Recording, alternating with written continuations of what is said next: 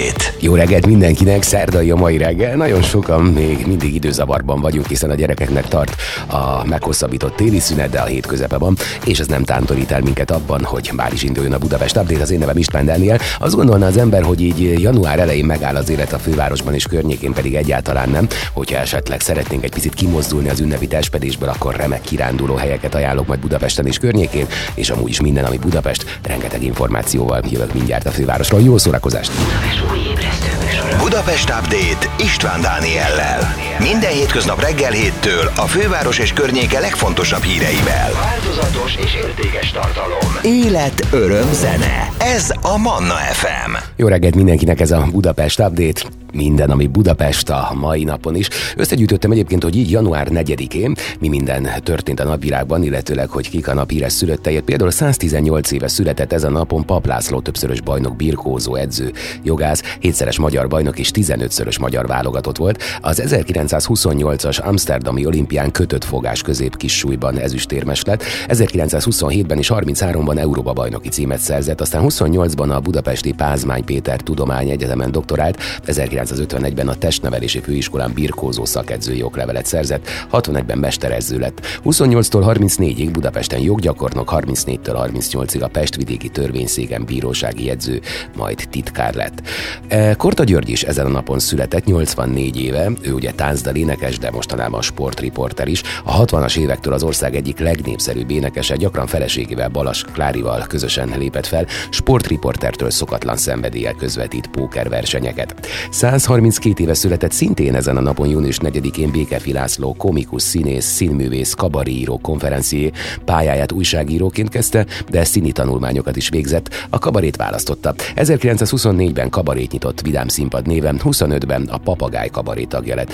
27-től 29-ig Bécsben a Boulevard Theaterben, a Simplissimusban, majd a Ronacher Theaterben játszott. Hazatérése után 29-től 33-ig az Andrássy úti színháznak, később a Terész körúti színpadnak volt tagja. Komjati Károlyal alapította meg a Pódium író kabaréját, mely szokatlanul bátor fórumot is teremtette a fokozatosan feszültebbé váló politikai viszonyok között. Saját maga is áldozatul esett szókimondó éles bírálatainak. A színművészeti kamara fegyelmét indított ellene 1941-ben, majd le is tiltotta a színpadról. Először Sopron kőhidára, onnan pedig a Dahaui koncentrációs táborba hurcolták, később Svájcban telepedett le. Fő művei többek között a Báros, az Esernyő és egyéb színpadi tréfák, a Bécsi menyasszony vagy a Boldogasszony. Gáspár Győző is ezen a napon született 49 esztendővel ezelőtt egy Nógrád megyei kis településen nőtt fel. Eredeti szakmája hentes, aki nézte a valóságsót, azt tudja. 99-ben a romantik együttessel, majd a Győzike Branch front embereként lépett fel. A 2006-os önkormányzati választásokon Nógrád megyer polgármesteri székért indult független jelölként, de a szavazatok csupán majdnem 6%-át szerezte meg. Édesapja, idősebb Gáspár Győző az MCF Roma összefogás pár színeiben politizál. A Győzike Show című műsor főszereplője, a Győzike basszus frontembere, felesége Bea és két gyermek édesapja Evelin és Virágé. Hat éve, 88 éves korában hunyt el ezen a napon Klapka György, üzletember, táncos, koreográfus. Ő tanulmányait a Rózsahegyi Kálmán Színiiskolában, az Artista Akadémián és a Színház Művészeti Főiskolán végezte. Pályafutása 1948-ban indult el. Később aztán üzleteléssel kezdett el foglalkozni, és egy éve nincs közöttünk Dobos Attila zeneszerző, táncdalénekes, fogorvos, énekes, sóskúti születésű fogorvosként is dolgozott, amit az akkori rendszer nem nézett jó szemmel, szemmel, érvénytelenítették a diplomáját és anyagilag is nehéz helyzetbe került. Ezután akkori párjával Mari Zsuzsi énekesnővel Németországba költözött, lemezeit Magyarországon bezúzták a rádióban, nem játszották dalait.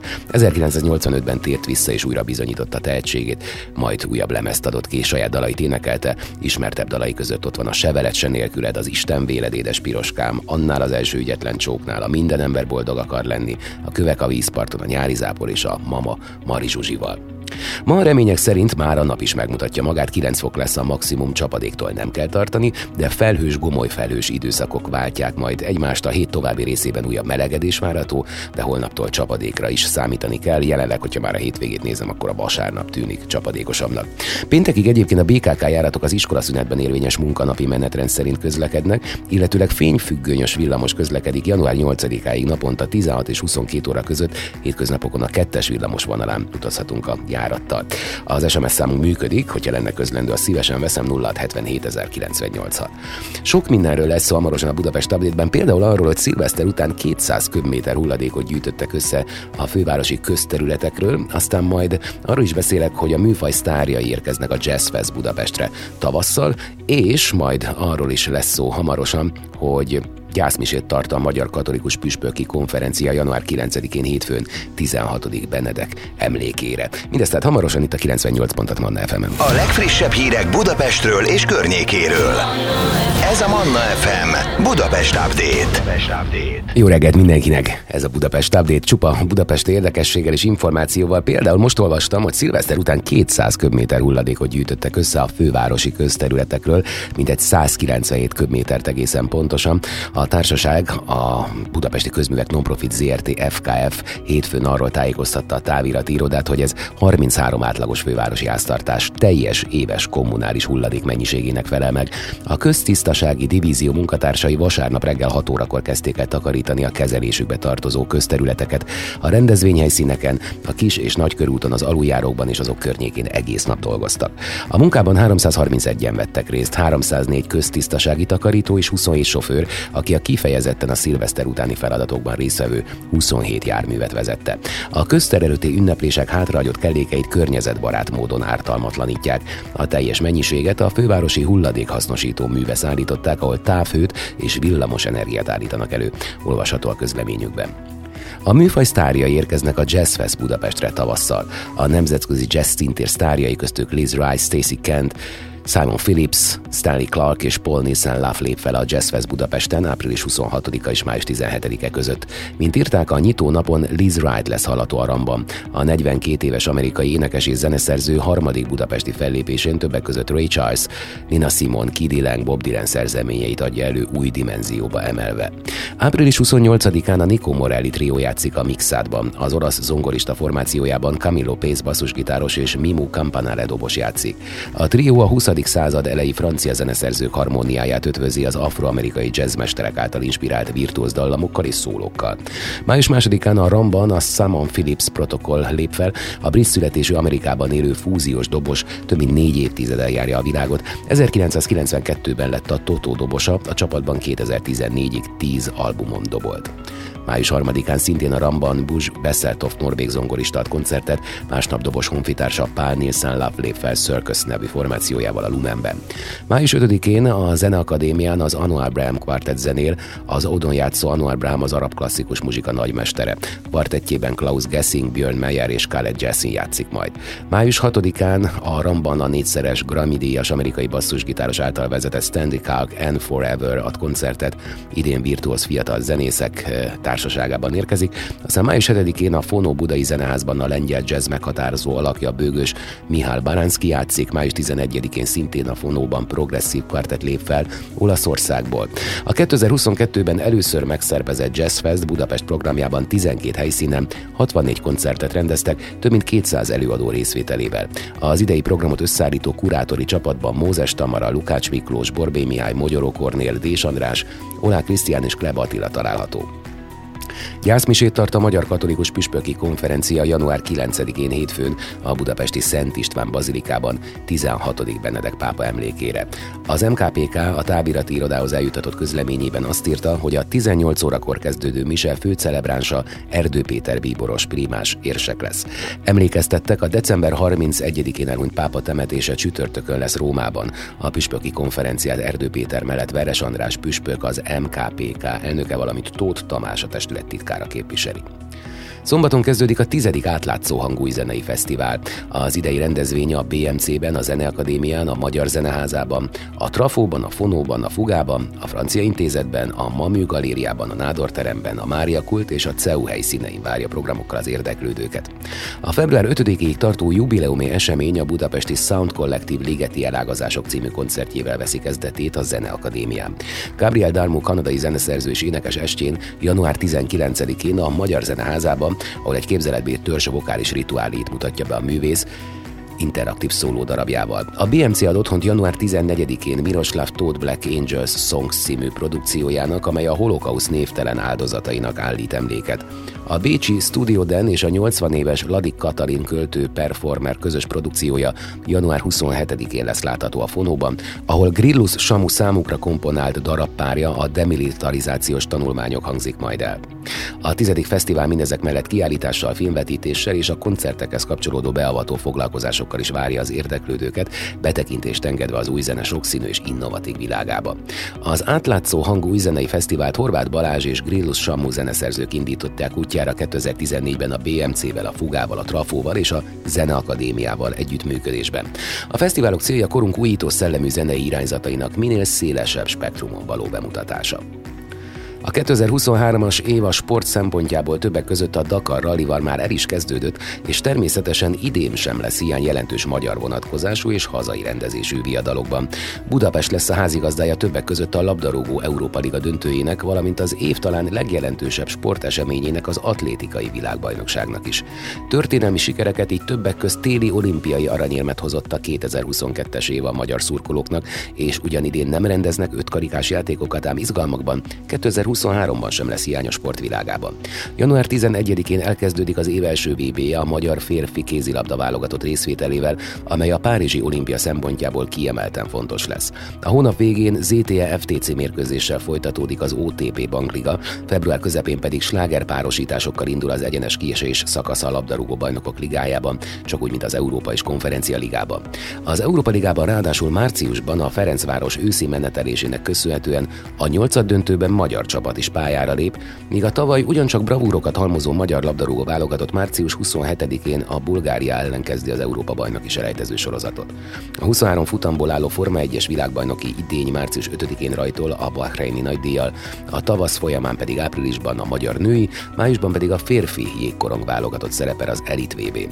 A tavasz utolsó napján, május 31-én aztán Budapesten rendezik a labdarúgó Európa Liga döntőjét, a nyár pedig ezúttal is bővelkedik majd a rangos sporteseményekben. Június közepéig sor kerül a férfi labdarúgó BL, a konferencia liga és a Nemzetek Ligája fináléjára, csak úgy, mint a férfi és női kézilabda bajnokok ligája négyes döntőjére is, utóbbinak szintén Budapest lesz a házigazdája. A Zsúfolt program június végén az európai játékokkal folytatódik, majd júliusban a vívók és a vizes sportágak képviselői is világbajnokságon vesznek részt. Augusztusban pedig akár magyar közönség előtt dönthet ismét világcsúcsot az olimpiai világ és Európa bajnok rúdugró Armand Duplantis. Az év egyik, ha nem a legnagyobb sporteseményét, eseményét az új Nemzeti Atlétikai Központban rendezik világsztárok részvételével. Ugyanebben a hónapban kerül sor az öttusa és a kajakkenu, valamint a férfi kosárlabda világbajnokságra és a röplabda Európa bajnokságra is. Szeptemberben a birkózók és a tornászok szerepelnek vb a magyar labdarúgó válogatottra pedig ősszel 5 EB selejtező vár. Márko Rossi együttesen november 19-én Montenegro ellen a Puskás arénában zárja a sorozatot. Egy héttel később befejeződik a Forma 1-es idény is, az év utolsó világbajnokságán pedig a női kézilabdázók vesznek részt. A közmédia az előző évekhez hasonlóan ezúttal is kiemelten foglalkozik a magyar vonatkozású sporteseményekkel. Az M4 Sport az olimpiai kvalifikációs viadalok mellett természetesen a magyar futball válogatott összes mérkőzését, a labdarúgó Európa Kupa sorozatok és a Forma 1 teljes idényét élőben közvetíti 2023-ban is. Újabb szakaszába lép a belvárosi forgalomcsillapító projekt, melynek részleteiről egy Facebook posztban számolt be Soproni Tamás Budapest 6. kerületének polgármestere. Tovább folytatódik tehát a projekt, a belső Erzsébet városban és belső Terézvárosban új áthajtási pontok jönnek létre. A Dob utca, Holló utca és Kazinci utca között, a Veselényi utca, Klauzál utca és Nyár utca között, a Dohány utca, Nagy Diófa utca és a Nyár utca között, a Király, a Rumbak Sebestyén és a Károly körút közötti szakaszán, ez utóbbinak a Budapest közúttól kiváltott engedélyel eddig is át lehetett hajtani helyi lakosoknak. Ez azt jelenti, hogy az András és a Király utca között élő terézvárosiak lakossági várakozási engedély birtokában áthajthatnak ezeken a pontokon, rájuk nem vonatkoznak az itt elhelyezett behajtani tilos táblák. Őt itt a sofőrt kapcsoltak le Budapesten január 1-én délelőtt. A budapesti rendőrfőkapitányság közlekedés rendészeti főosztálya január 1-én délelőtt közlekedés biztonsági ellenőrzést tartott, írja a polisz.hu. Tájékoztatásuk szerint a rendőrök ittas vezetés miatt két embert elfogtak, velük szemben büntető feljelentést tettek, két sofőr közigazgatási bírságot kapott, egy járművezetőt pedig előállítottak, mert nem akarta megfújni a szondát. A rendőrök egy alkalommal szabálysértési eljárás kezdeményeztek engedély nélküli vezetés miatt, egy sofőr sofőrt lejárt vezetői engedély miatt bírságoltak meg. A budapesti rendőrfőkapitányság kiemelten kezeli a közlekedésre veszélyes jogsértéseket, ezért a továbbiakban is várhatóak hasonló akciók, közölték. Világsztárokkal lesz tele a város. Idén, hat év kiadás után ismét Budapestre érkezik Robbie Williams, aki európai turnéja keretében lép fel március 14-én a Budapest Sport Arénában. Ugyancsak a Paplászló Arénában fog koncertezni Maneskin, aki egy elmaradt 2022-es koncertet pótol. A rock szerelmesei se fognak unatkozni, ugyanis a világ egyik leghíresebb zenekara a Rammstein több mint tíz év kiadás után ismét tiszteletét teszi a magyar fővárosban júliusban, de itt lesz még Ozzy Osbourne, a Deep Purple és a Depes Mód is. Az elmúlt évtized évtizedekhez hasonlóan idén is lesz Sziget Fesztivál, ahol többek között fellép korunk talán legfontosabb popénekese Billie Eilish, a hajógyári szigeten, de fellép még többek között David Getta és az Imagine Dragons is. A komoly zene rajongók számára az egyik legnagyobb durranás kétségkívül Hans Zimmer lesz, aki június 5-én lép majd fel a Budapest portenérában aki június 5-én lép majd fel a Paplászló Budapest Sportarénában. 150. születésnapjára készül közben a főváros. Pest, Buda és Óbuda egyesítésének 150. évfordulójának apropóján egy egész éven át zajló eseménysorozattal készül a főváros. A könyvtárakat, mozikat és például a Budapesti Történeti Múzeumot is bevonják majd a programokba, de elkészül majd Budapest nagyregénye is, ami kortárs művészekkel, ami kortárs művekkel kerületenként igyekszik majd képet adni a városrész aktuális állapotáról. A tervek szerint 60 budapesti intézmény szervez majd valamilyen eseményt. A fővárosi közgyűlés 91. március 21. döntése értelmében a főváros ünnepnapja november 17, annak ellenére, hogy 1873-ban ezen a napon egyesült Pest-Buda és Óbuda. Ezek voltak most a legfontosabbak Budapest életéből, és már is jó kis programajánlatok érkeznek, ha már ilyen jó az idő. Január elején akkor érdemes az ünnepi testpedésből picit kimozdulni, Budapest és környéke jobbnál jobb célpontokat rejteget, majd ezeket hozom mindjárt. Itt a 98 pontot Manna fm Manna FM. A Manna FM információs sávja a főváros és a környék legfrissebb és legfontosabb híreivel, eseményeivel.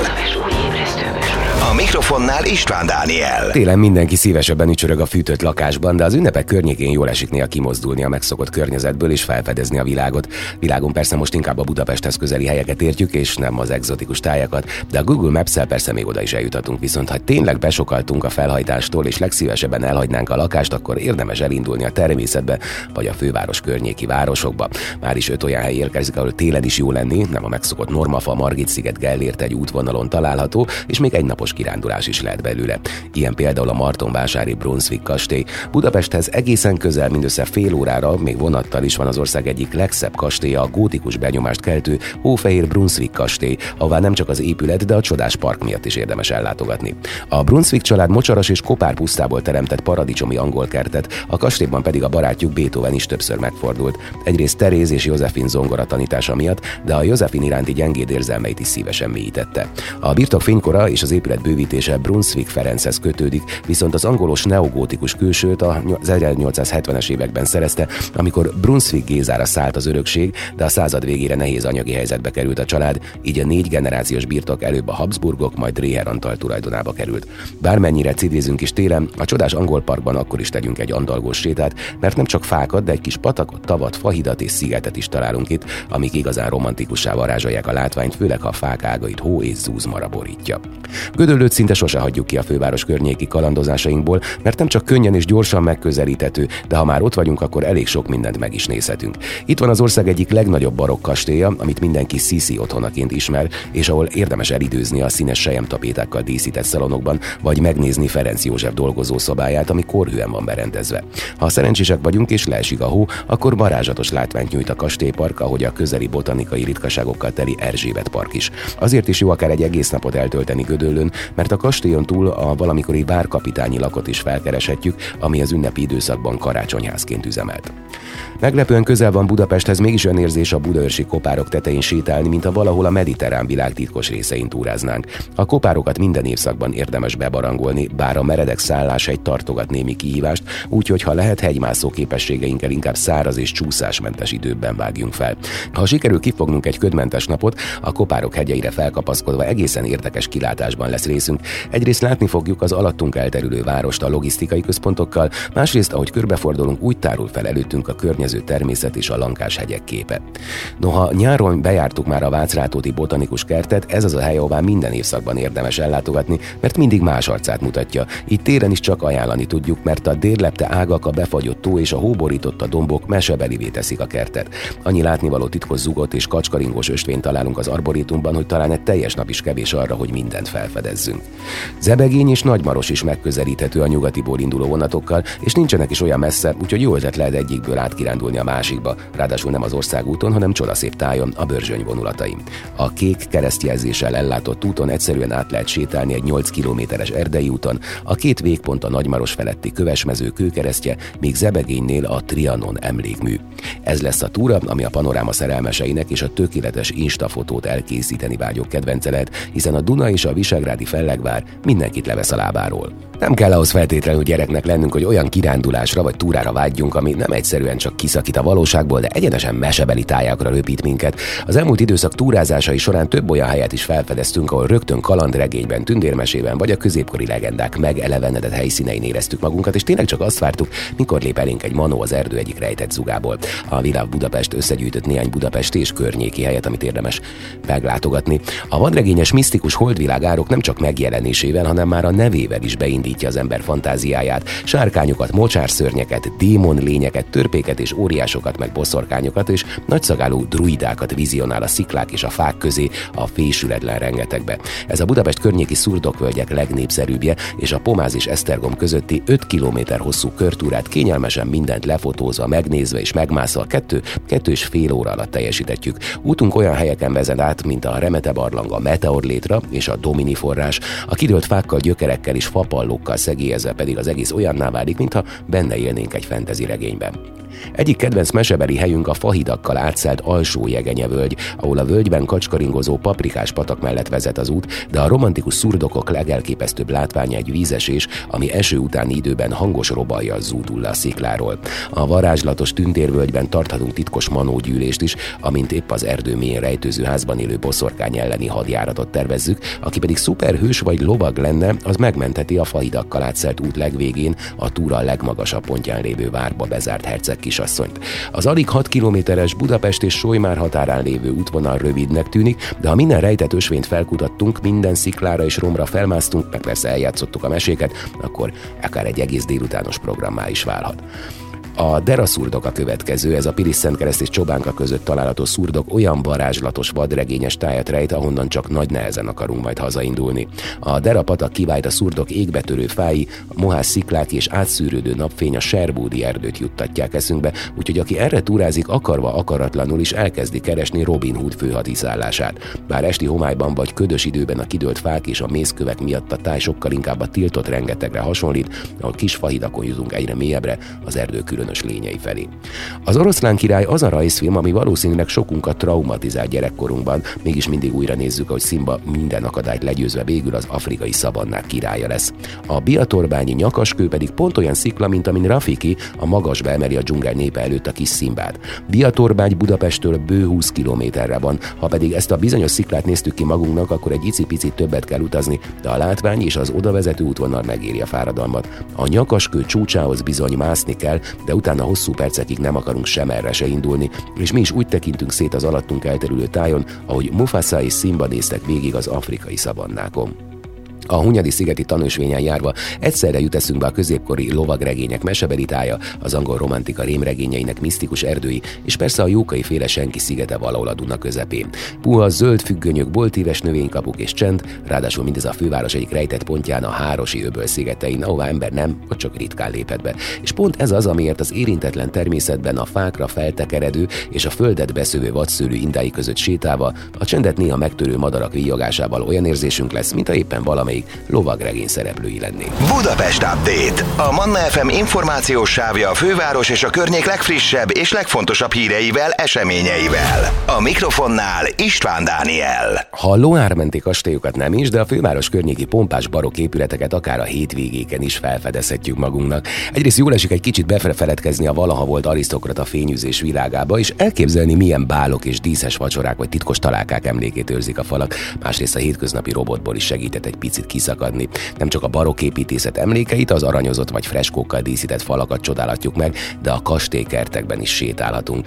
A Gödöllői Grassalkovics kastély az első állomásunk. Az ország legnagyobb barokk kastélya van Gödöllőn, ami autóval durván 40 perc távolságra van Budapesttől, de a tömegközlekedőknek sem kell lemondaniuk a fenséges látogatásról, mert a Gödöllői hív majdnem, hogy házhoz visz, bár tudjuk, hogy nem betegszik az üveghintóval. Az arany, fehér, bordó és kék színekben pompázó kastély tágas tereiben keringve még az a bennünk lévő diszonancia is feloldódik, amit a Grassalkovics név első Ferenc József és Sziszi okoz bennünk, mert ha ez a király kastély, akkor mégis kik azok a Grassalkovicsok. Az épületet a század egyik legtekintélyesebb főura Grassalkovics Antal építette, ráadásul a korszak akkori sztárépítőmesterével Meyerhoffel Andrással.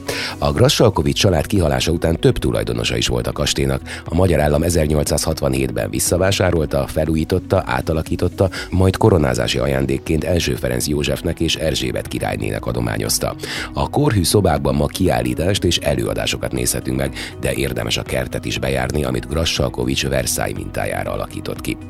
A rádaiak birtokán álló épület tulajdonképpen a Gödöllői királyi kastély kistestvére, ugyanaz az építője. A Péceli kastély egyszerű vidéki kúriából lett európai hírű kulturális központ, köszönhetően a rádaiaknak, akik közül Gedeon volt az, aki felhalmozta a 15 ezer kötetes könyvtárat, bálokat és koncerteket adott és támogatta a magyar kulturális élet fejlődését.